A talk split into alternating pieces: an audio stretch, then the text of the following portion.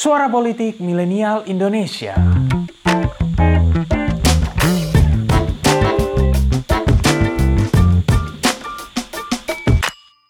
Bukan hal yang aneh jika tiap kali buka YouTube dan melihat video-video yang sedang trending, kita akan selalu menemukan bahwa ada saja produk musik dari Korea Selatan alias K-pop yang nongol di sana.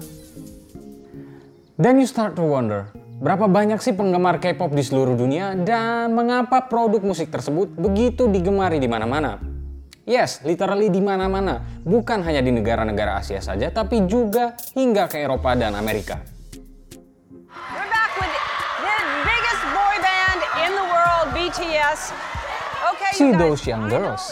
Yes, they are.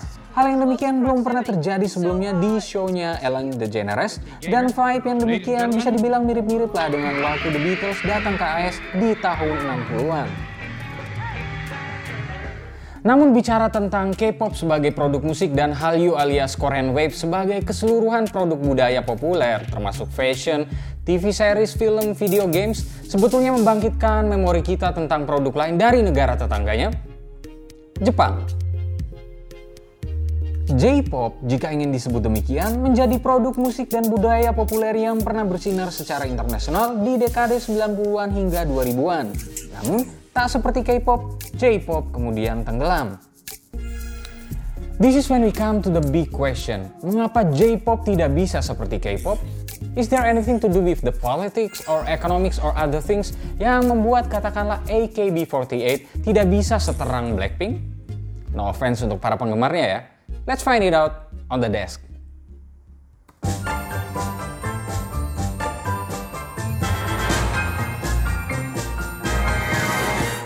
J-pop memang telah berkembang sejak tahun 1960-an.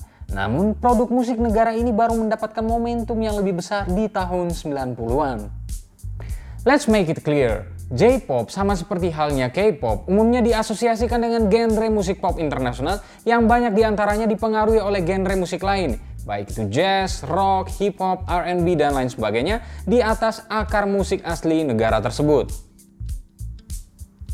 Beberapa nama seperti Nami Amuro, Mr. Children, Utada Hikaru hingga Ayumi Hamasaki adalah contoh-contoh dari bagian awal popularitas J-pop. Hingga akhirnya jelang dekade 2000-an ketika muncul demam idols group, lahir pula nama-nama grup beken macam Hey Jump, AKB48 hingga Arashi.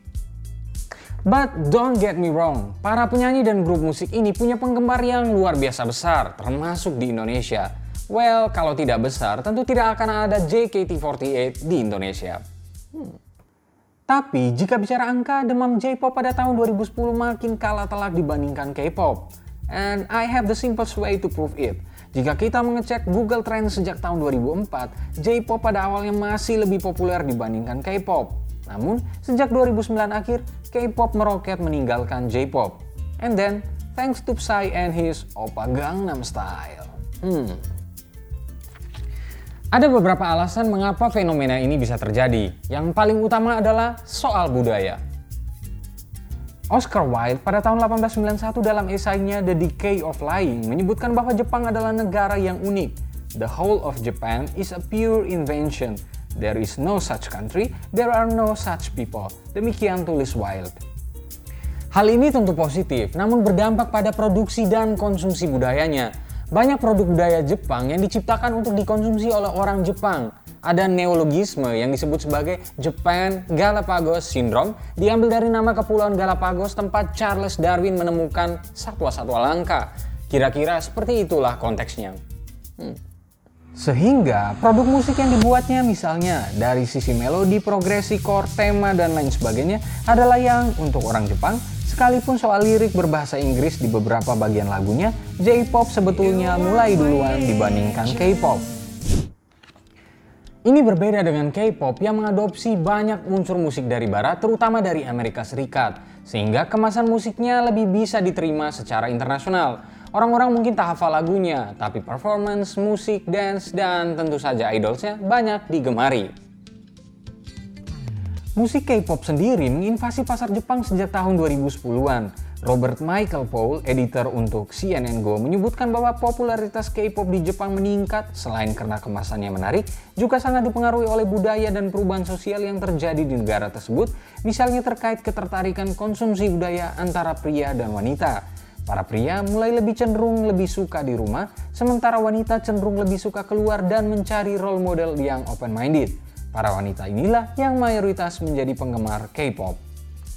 Hal kedua yang penting untuk dilihat adalah bagaimana pemerintah dan semua stakeholder yang ada di Korea Selatan memperlakukan industri K-pop. Mendunianya K-pop sebagai bagian dari Hallyu sebetulnya telah direncanakan sejak akhir Perang Korea. Selain K-pop, K-drama adalah yang paling awal mendapatkan porsi penting, katakanlah misalnya ketika Winter Sonata mendunia di awal tahun 2000-an. Ini sangat dipengaruhi oleh kebijakan pemerintah Korsel yang mengizinkan studio-studio besar, bangsanya 20th Century Fox, Walt Disney, dan kawan-kawan membuka kantor perwakilannya di Korsel sejak akhir tahun 80-an. Efeknya kemudian terasa bukan hanya pada industri drama saja, tetapi juga pada industri musik. Ini memang mirip dengan apa yang terjadi antara anime dengan musik-musik di Jepang, walaupun tidak semasif dampaknya secara industri dan pemasaran dibandingkan dengan K-pop. Kemudian, makin mendunianya global brand asal Korsel seperti Hyundai, Samsung, dan LG juga secara tidak langsung berdampak pada makin luasnya identitas Korea itu tersebar.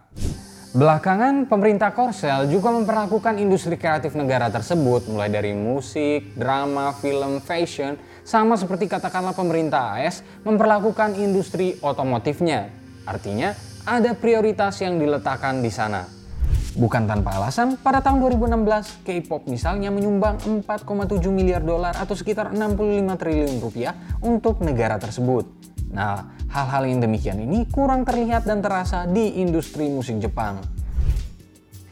Pada akhirnya, persoalan popularitas K-pop yang mengalahkan J-pop memang menjadi catatan penting untuk industri kreatif. Lalu bagaimana dengan Indonesia? Well, sejak 2014 lalu, Presiden Jokowi memang telah membentuk badan ekonomi kreatif salah satunya untuk tujuan tersebut. Namun dukungannya lebih besar dari sisi hukum, let's say undang-undang permusikan misalnya, dan anggaran juga diperlukan agar industri ini dapat berkembang.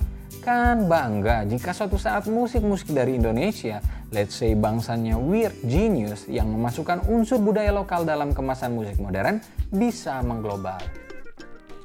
Terima kasih telah mendengarkan episode kali ini. Nantikan episode-episode selanjutnya dan jangan lupa untuk kunjungi pinterpolitik.com untuk dapatkan informasi seputar fenomena politik di Indonesia. See you next time and bye-bye.